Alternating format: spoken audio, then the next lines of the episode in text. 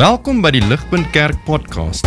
As Ligpunt Gemeente is dit ons begeerte om God te verheerlik deur disippels te wees wat disippels maak en 'n kerk te wees wat kerke plant. Geniet hierdie week se preek.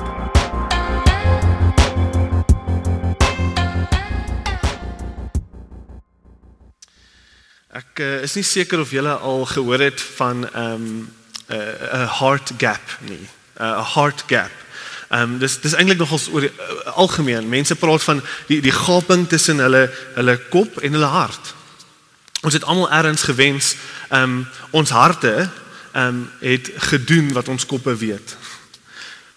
Uh, ek ek het baie al vir myself gevra, uh, hoe sou die kerk lyk? Hoe sou die land lyk? Hoe sou die wêreld gelyk het as as Christene regtig geglo het in hulle harte wat hulle weet in hulle koppe? Nou ek glo ons sou nie die wêreld erken het nie. En, en al is daar 'n duisend plekke in ons lewens waar ons harte nog moet opvang met ons koppe, glo ek daar's een plek wat nog altyd uitgestaan het. Een een area wat ek nog altyd gevoel het daar 'n groter heart gap is as enige ander plek in die Christelike lewe. En dit is wanneer dit kom by evangelisasie. Die die groot opdrag van Jesus om disippels te gaan maak tot in die uithoeke van die wêreld. So ek het nog nooit 'n gelowige ontmoet wat wat nie geweet het hy moet disippels maak nie. Ek het nog nooit so 'n gelowige ontmoet nie. Ons almal weet dit. Ons weet selfs God is genadig en hy wil red want hy's hy's hy's reg om te red. Hy het ons gered. Ons weet Jesus verander lewens vir die beter. Hy hy red hulle vanuit hulle sonde, hy red hulle vanuit hulle gebroke huwelike en gesinne.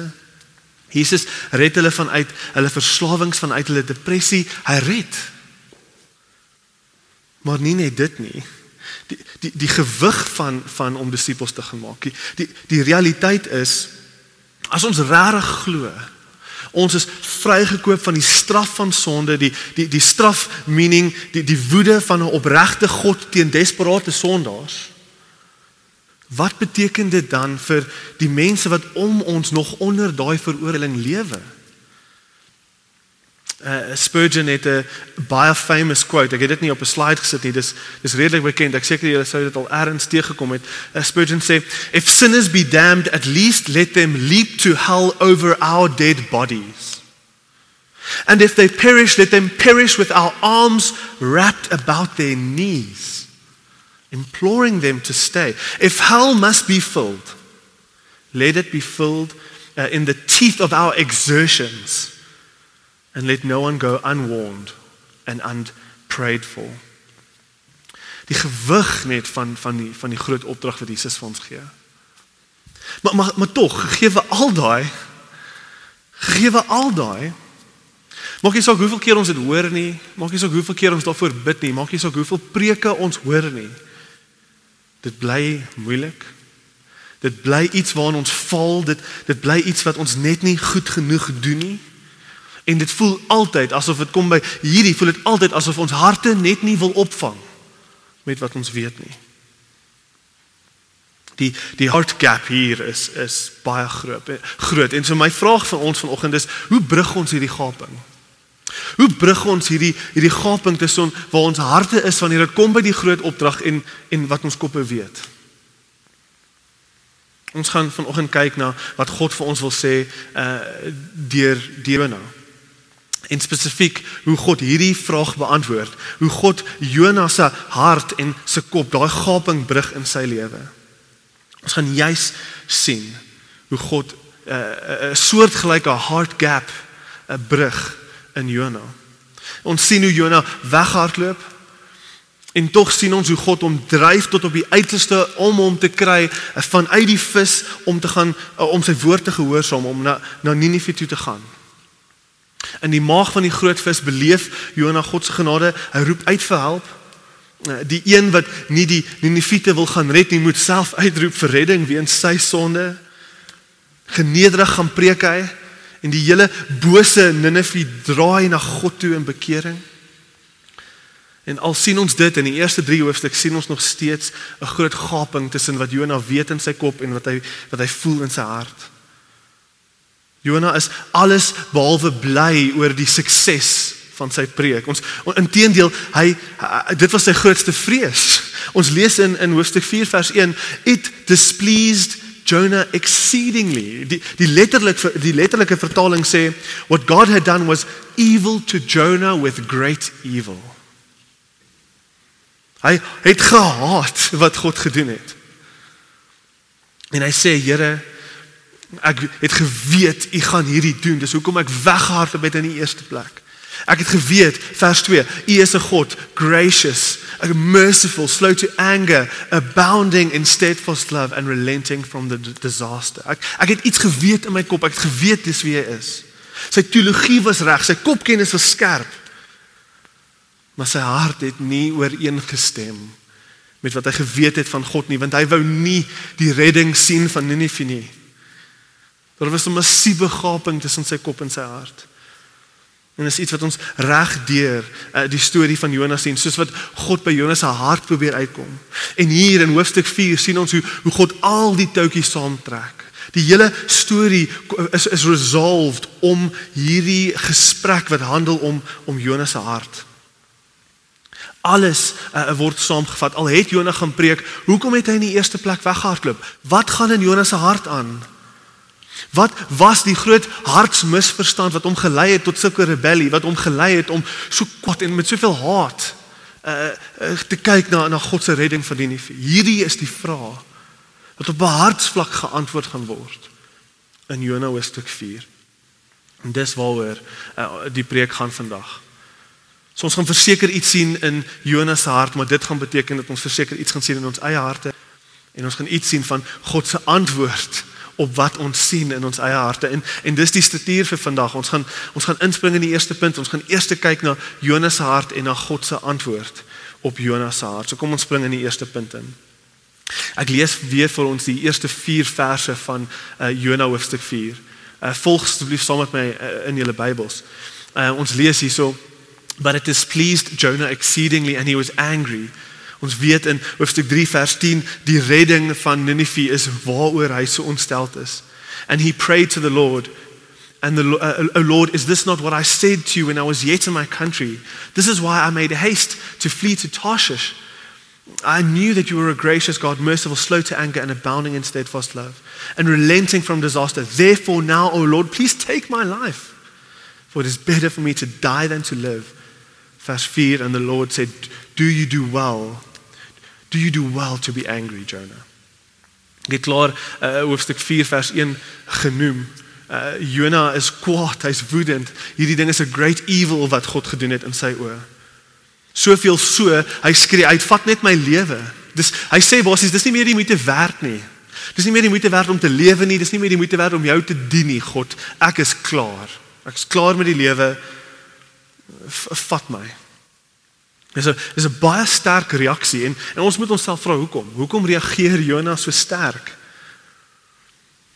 Wat gaan in Jonas se hart aan dat hy dat hy spesifiek so reageer met met so totaal en alle woedende depressie? Uh, en ons twee dinge om om hier te noem wat ons sien in in Jonas se hart. Nommer 1 ons sien dat dat Jonas hier worstel met die heiligheid van God. Hy hy, hy worstel met die met die heiligheid van God. Wat hy mee worstel is hoe kan die heilige God moontlik so 'n bose mense soos die Ninivite vergewe? Hoe kon hy vir hierdie wrede mense selfs die opsie gee om gered te word? In sy kop bring die vlamme Bring die vlamme uh, neer op hierdie moordenaars, op hierdie verkragters en op hierdie martelaars want dit is wie hulle was. Ek kyk vir vir 'n profeet van God, vir vir Jona was hierdie 'n fundamentele worsteling. Dit is hoekom dit hom so ge, geruk het. Hoe kan hy as as as Jona, dis wat sy vra, hoe kan God barmhartig en vergeef ehm um, vergeef gesins wees? Hoe kan hy altyd wees? Hoe kan hoe kan God so barmhartig wees teenoor teenoor mense soos hierdie en regverdig hy en heilig bly? Dit is eintlik 'n baie goeie vraag. Ons is hardop hom, maar dis dis 'n goeie vraag vir iemand in sy skoene.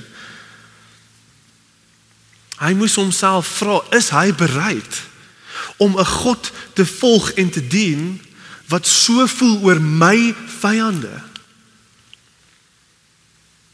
En die vraag kom net so terug na ons toe. Ons moet sien wie God is want hy hy's baie spesifiek. Ons 'n baie spesifieke prentjie van wie God is. Kyk, baie van ons het 'n baie skewe prentjie van van van wie God is. Ons het so 'n bietjie van 'n 'n selfopgemaakte prentjie van van wie God is. Maar sien raak. Hierdie is 'n God wat lief is vir jou vyande. Soveel so hy wil in liefde uitreik na jou vyande toe sodat hulle sy redding kan ervaar. Sodat hulle hulle sondes ook op die kruis deur die bloed van Jesus kan laat weggewas word. Dit beteken hulle word nie gestraf vir die misdade wat hulle gepleeg het teenoor jou nie. Hulle hulle word nie gestraf nie. Jesus neem hulle straf. Hulle word vrygespreek. Jou vyande. Want Jesus dra hulle sonde. My vraag is hoe voel jy daaroor? Hoe voel jy regtig daaroor? Weereens dis dis maklik vir ons om in teorie ja te sê. Ja, dis dis mooi, dis reg. Maar as jy die een is wat vasgemaak was in jou huis deur diewe. Hoe voel jy oor die feit dat Jesus hulle sondes wil vryspreek in Jesus? Dit is maklik om in teorie te dink oor, maar wat as jy die een is wat 'n geliefde verloor het weens moord? Wat as jy die een is wat so diep seer gemaak is deur deur iemand, 'n familielid of iets so diep seer gemaak is dat dit dat jy nou nog sit met die geestelike en sielkundige nagevolge van wat hulle aan jou gedoen het. Hulle het jou lewe geruïneer. Jy sit nou nog met die seer. Wat as jy al verkrag was? Kyk, dit is maklik om in teorie daaroor te dink, maar hoe voel jy oor die feit dat God lief is vir jou vyande?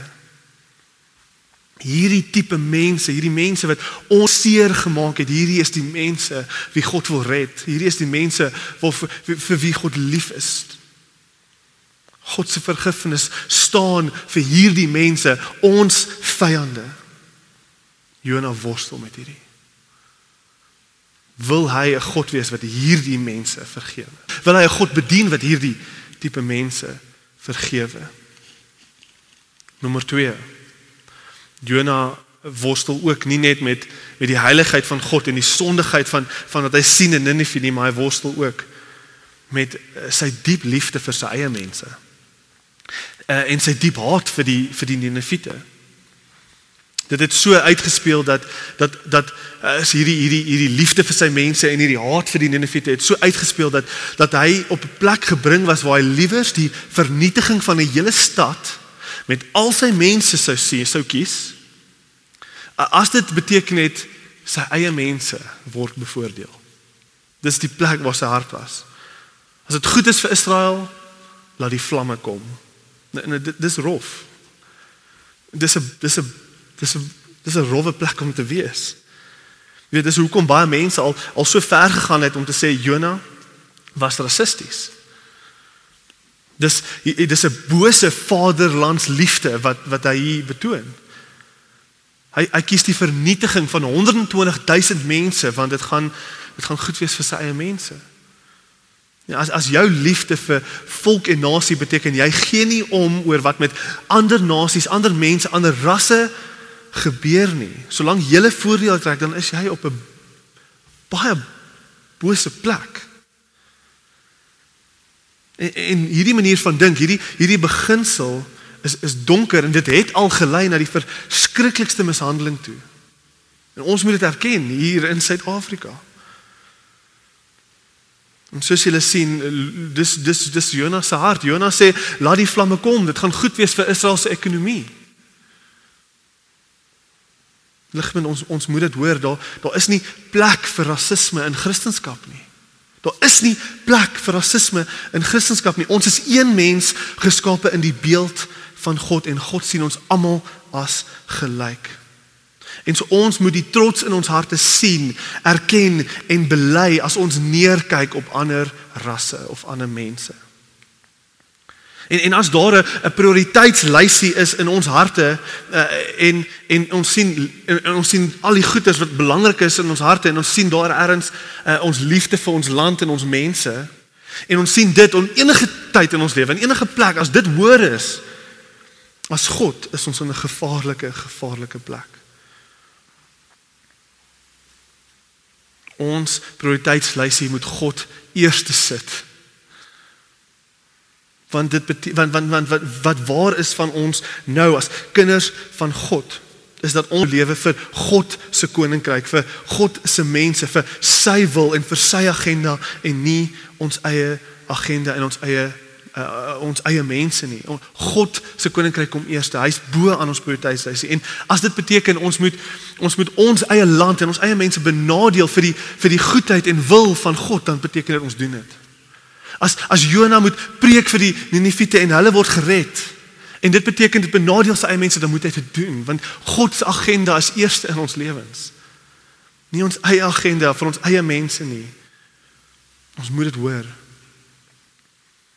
Hierdie was die die worstelings wat in Jonas se hart aangaan en hierdie het hom gedryf na 'n plek toe waar waar sy liefde vir sy eie mense en en sy sy sy worsteling met die heiligheid van God. Dit is asof die fondasie onder hom uitgeruk was. Dit waar hy sy identiteit gevind het, word weggeruk en hy val neer in 'n absolute depressie en hy gee op op die lewe.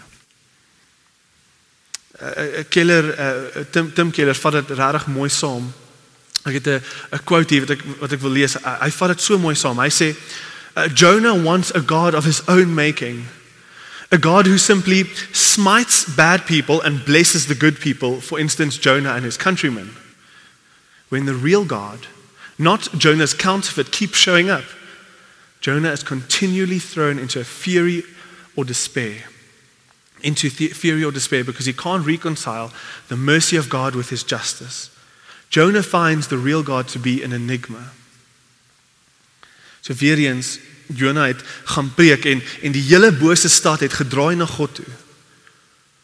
So, so sien raak dis dis hier nie sy dade nie, maar dis sy hart wat moet opvang.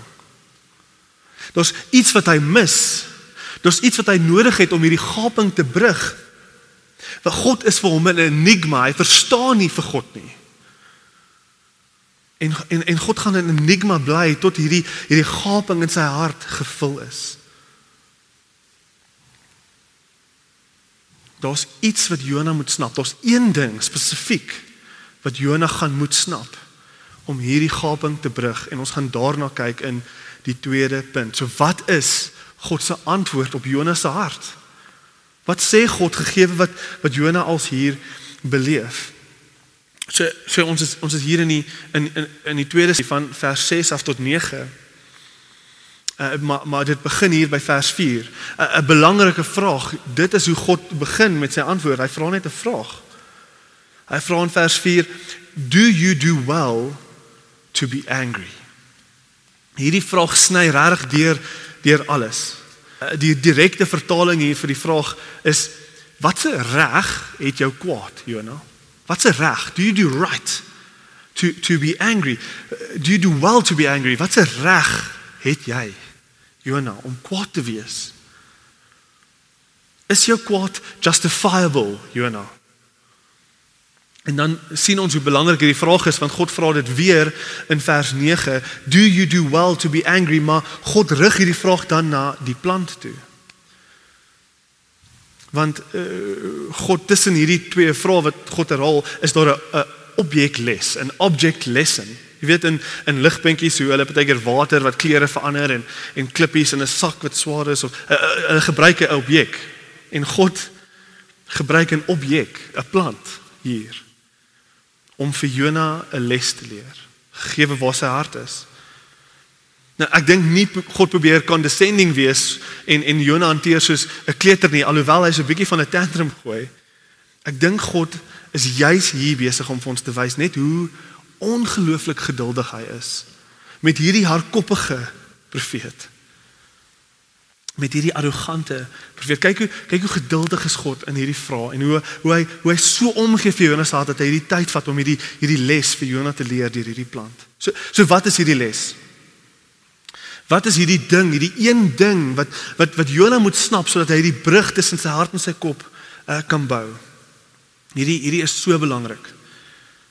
Hierdie is so belangrik. Hierdie is die les wat God vir vir Jona probeer leer. Sê daar's daar's een ding wat God vir Jona probeer leer. Een ding alleenlik wat die gaping tussen sy kop en sy hart gaan vul. Een ding. En hierdie een ding is die kern van al sy sonde en al sy misverstande in die hele boek van Jona. Die die ding wat Jona nie verstaan nie is God se genade. God se genade. Dit is die oorsprong van al sy hartsworsteling. Dit is die dit is dit is hierdie misverstand oor genade wat beteken dat daar 'n massiewe gaping tussen sy kop en sy hart is. Uh, Keller skryf in sy boek Prodigal Prophet wat gaan oor Jona en hy sê the main purpose of God in Jonah is to get Jonah to understand grace. The main purpose of the book is to is for us to understand grace.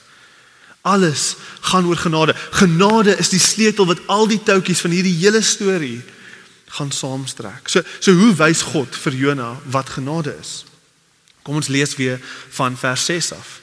Uh lees gou hierdie stukkie saam met my. Um, ek het dit op 'n slide sodat ons uh, kan sien wat wat hier aangaan. Van vers 6 tot 9. Now now God appointed a plant and made it come up over Jonah so that it might be a shade over his head to save him from his discomfort.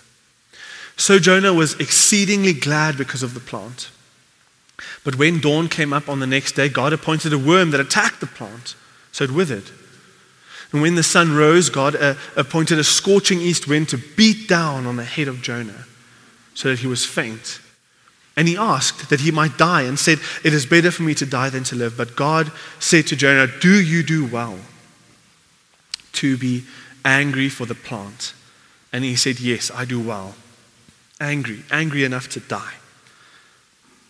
Ons lees dat uh, ons lees dat die plant aan die einde van van vers uh, 6 hom vreeslik bly gemaak het in die hitte van die Midde-Oosterse son.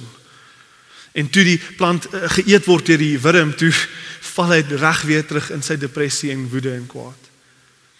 En dis hierdie hierdie hierdie spring tussen die die die die blydskap van die plant wat God gegee het en die wegneming van die plant wat God hom weer terugdryf na die vraag toe wat deursny na sy hart toe.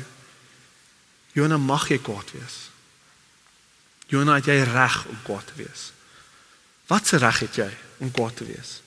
So die vraag word retories gevra. Daar's nie eintlik 'n antwoord op op die vraag nie. Dit dit word half na gehint. Dis dis subtiel, maar dis ook nie subtiel nie want die teks skree uit. Die die storie skree uit. Alles wat opbou tot op hierdie punt skree uit. Hy het geen reg nie. Hierdie sondige, rebellieuse profeet het geen reg om kwaad te wees nie. Wat het jy gedoen, Jona, om die plant se skadu te verdien? Wat het jy gedoen om dit te laat groei of om dit te kweek of om om te sien vir die plant? Niks. Jy het niks bygedra of uh, bydra gelewer tot hierdie plan nie. Dit was net genade. Een uh, kommentator sê um he neither cultivated uh, lees hom hy neither cultivated nor encouraged the growth of the plant. And yet he felt he could shake his fist at God when it was taken away. He simply had no right to make any claims regarding the plant. It, it had been a gift of God's grace. And the Lord was forcefully trying to drive home the ultimate question What right do you have, Jonah, over my grace? What right do you have to demand, Jonah, that God should favor some and not others? Niks nie. Hy het geen reg gehad nie. En en in sy woede sien ons dat 'n deel van hom dink hy's beter as hulle. Hy het iets gedoen om genade te verdien. Hy het 'n reg. Hy het hy het gesê, "Kyk God, kyk, hier's ek. Ek's ek's 'n profeet. Ek's ek's van Israel af. Ek kan vir jou sê wat jy moet doen. Geef vir my skade, ek verdien dit. En ek mag kwaad wees vir jou wanneer jy dit wegvat." En ek het bygedra. Ek het ek ek is ek is ons is ons is ons is partners hier. Ek doen 50%, jy doen 50%. So as jy nie jou deel bring nie, mag ek vir jou sê, Jonas sien homself bo Ninive. Hy sien homself bo die sondaars van die wêreld. Daar's 'n baie bekende quote van uh, Bishop Hadley Moole. Uh, en hy sê the harlot, the liar and the murderer all fall short of God's glory. But so do you, Jonah. Perhaps they stand at the bottom of a mine, the harlot, the lion, and the murderer.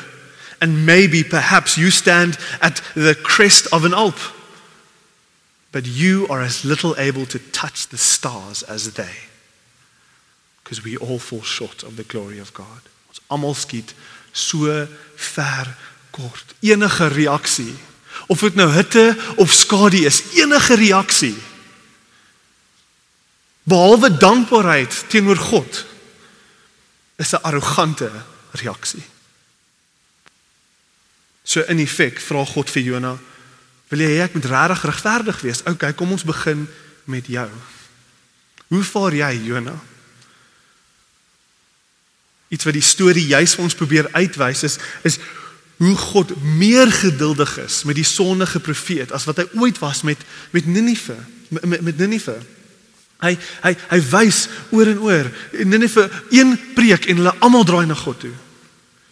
Maar Jona rebelleer al van hoofstuk 1 af en hy het dit nou nog nie gesnap nie.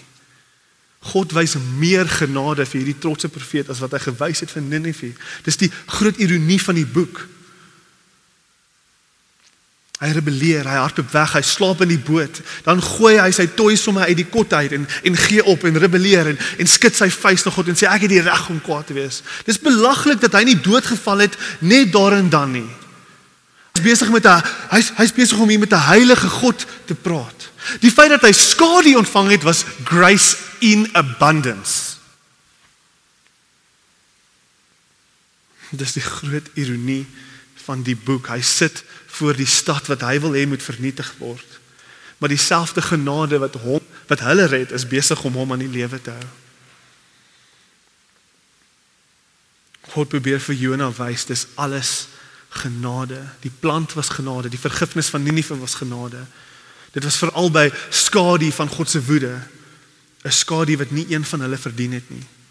Hulle is op, hulle is hulle is almal, hulle almal skiet te ver kort. Hulle is almal sondaars voor 'n heilige God. En dis die punt wat wat wat God maak in vers 10 en 11. God sê, Jonah, you, you pity the plant for which you did not labor, you did not make it grow, which it didn't come into being and perished in one night. Yet it niks te doen gehad met die plant nie meer. Is kwaad. Vers 11. Should I not pity Nineveh, that great city, in which there are more than 120,000 persons? 120,000 mense met lewens Nie 'n plant wat hier is en môre weg is nie. Hierdie is mense met lewens, met kinders, met skole, met met met met beroepe, met aspirasies, met planne, met agendas, met doelwitte, met drome. Jona, hoe belaglik is jy dat jy kwaad is oor 'n plant wanneer daar mense se lewens hier voor jou is. Nog 'n kommentator wat ek gelees het, som hierdie ook mooi op. Uh, lees hom hy sê um, God will and does act in justice against sin.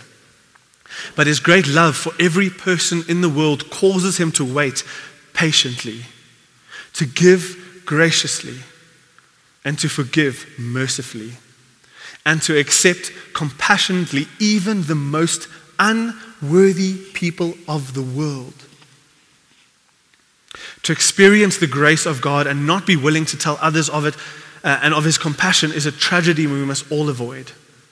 Messengers of God can neither limit the grace of God nor control its distribution, as Jonah tried to do, but they can prevent God's grace from having an effect on their own lives.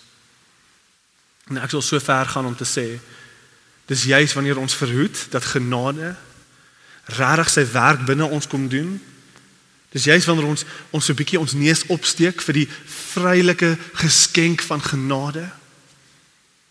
Dis dis wy dis juist wanneer ons nie wil toelaat dat genade ons nederig nie. Wat wat dit is dis wanneer ons dink ons kan genade beperk. Dis juist wanneer ons kan dink ons kan begin sê nee nee maar daai persoon is nie goed genoeg vir God nie. Ek ek is regtig lief vir Jonah. Want ek sien soveel van myself in hom. Ek het hierdie laaste week net weer gebid en ek het so klein interaksie gehad met 'n uh, 'n 'n tannie wat vir my avos wou verkoop en ek het daar soos diep in die oë gekyk en was so 'n baie klein reaksie en ek het na die tyd het iets van dit weer teruggekom na my toe en ek het en weer gebid en die Here gesê Here iets is fout.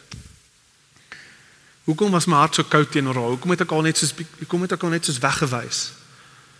Want toe ek in haar oë kyk, toe sien ek net iets van hoe hard die lewe klaar is op haar en toe moes ek nog bykom en in al my voorregte en en ek was ook half hard op haar en ek het gesê nee, wat ek soek ek soek nie 'n effe nie, los my uit.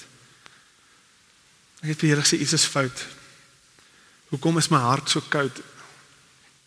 Hoekom hoekom kon ek hoekom was liefde nie die eerste ding wat uit my hart uitgespring het in daai oomblik nie?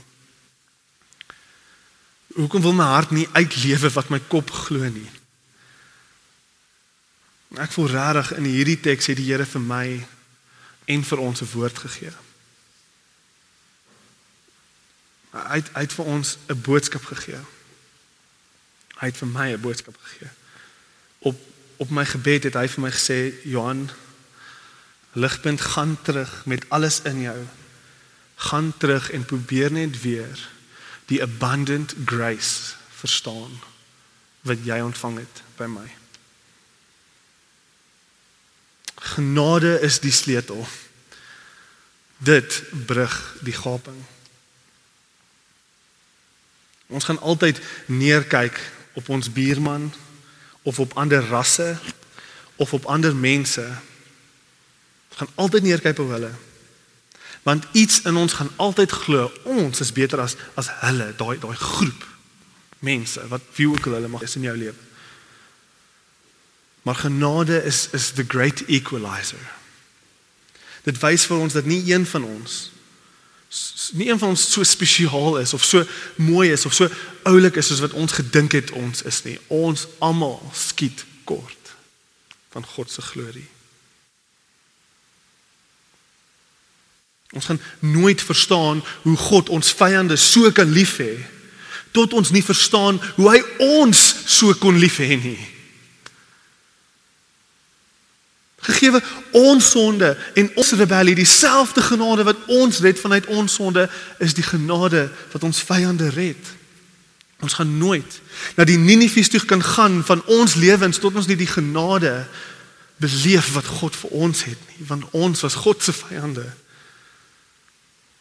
Ons is almal in dieselfde bootjie onder God se wraak en ons verdien niks nie. Die feit dat ons asemhaal is genade.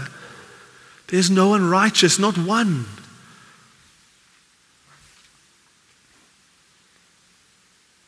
Ons gaan nooit Jesus se groot opdrag kan vervul, werklik vervul as ons nie diep gegryp is deur die genade wat vir ons beskikbaar is in hom nie.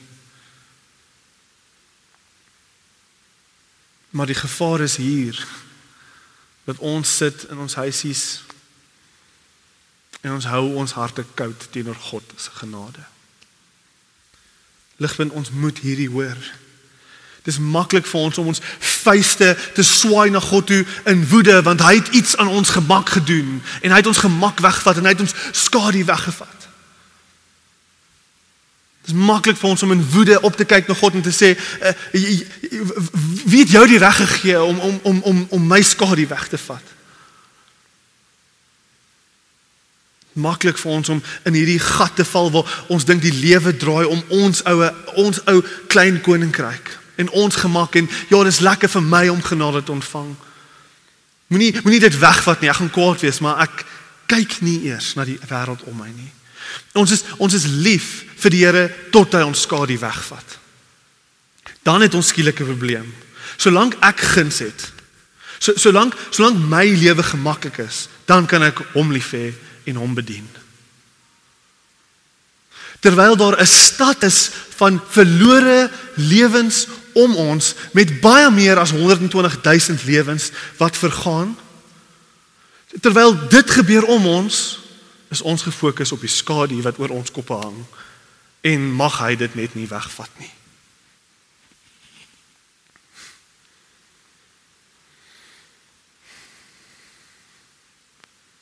Ligpunt hoor hierdie.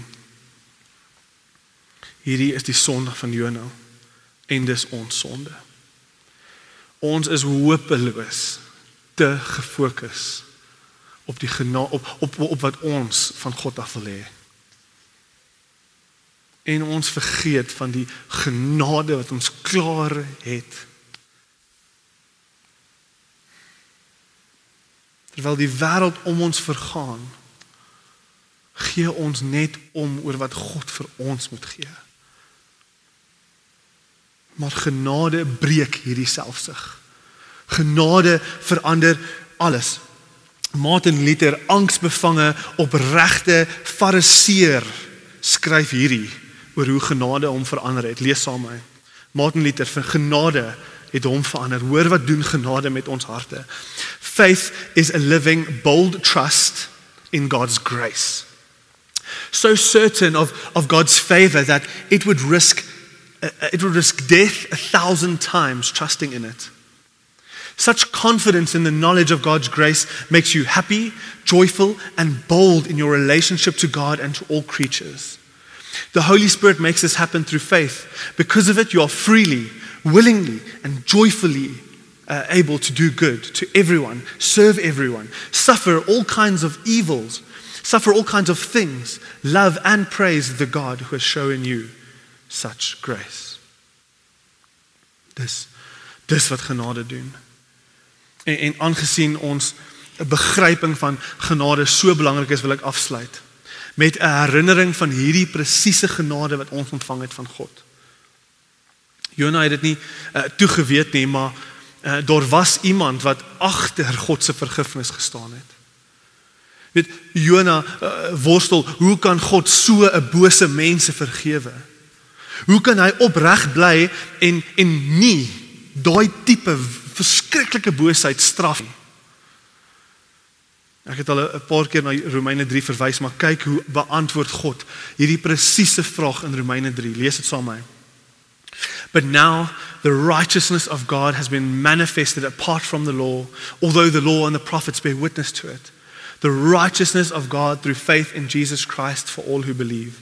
For there is no distinction, for all have sinned and fall short of the glory of God, and are justified by his grace as a gift through the redemption that is in Christ Jesus, whom God put forward as a propitiation, iets wat God se wraak wegdraai van ons af, as a propitiation by his blood to be received by faith.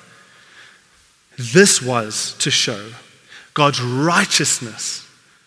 Because in his divine forbearance, he had passed over former sins. It was to show his righteousness at the present time, no in Christus, so that he might be just and the justifier of the one who has faith in Jesus. Dis al hoe God Ninive kon vergewe. Hy het geweet hy gaan iemand stuur en nie net enige iemand nie, hy gaan sy eie seun stuur om Ninive se sondes te dra aan die kruis. He passed over former sins. Hy kon toe.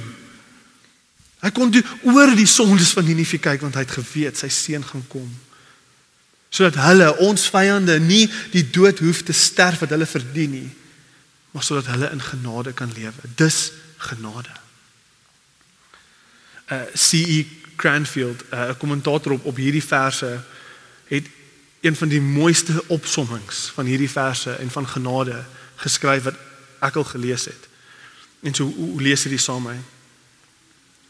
God because in his great mercy willed to forgive sinful men and being truly gracious willed to forgive them righteously that is without in any way condoning their sin proposed to direct against his very own self in the person of his son the full weight of that righteous wrath which we deserved. Dis genade. Jou sondes vereis betaling.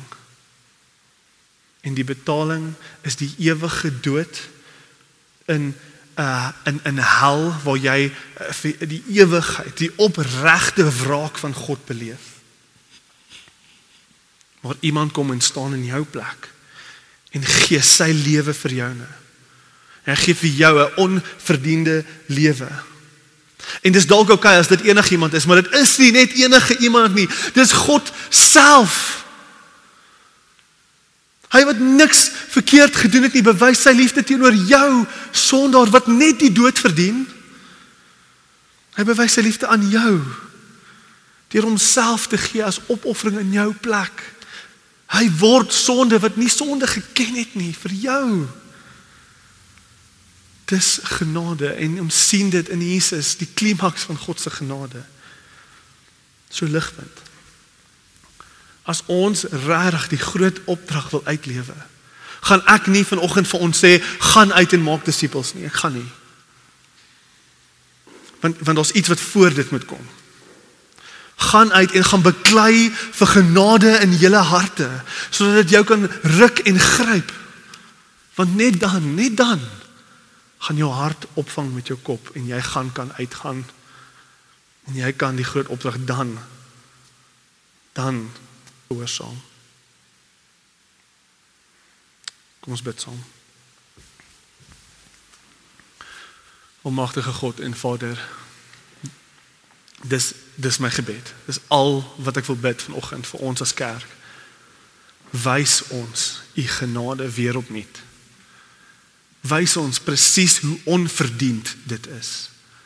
Nederig ons soos hy die profeet Jonah genederig het. Nederig ons onder u genade. Gryp ons en ruk ons met u genade vir Pretoria en vir die verlore wêreld om ons. Sodat ons saam met u kan sing aan die einde van dae met elke tong en nasie. Glorie na U toe. Heilig, heilig is U naam. Amen. Vir meer inligting oor Ligpunt Kerk, besoek gerus ons webwerf op www.ligpunt.com of kontak ons gerus by info@ligpunt.com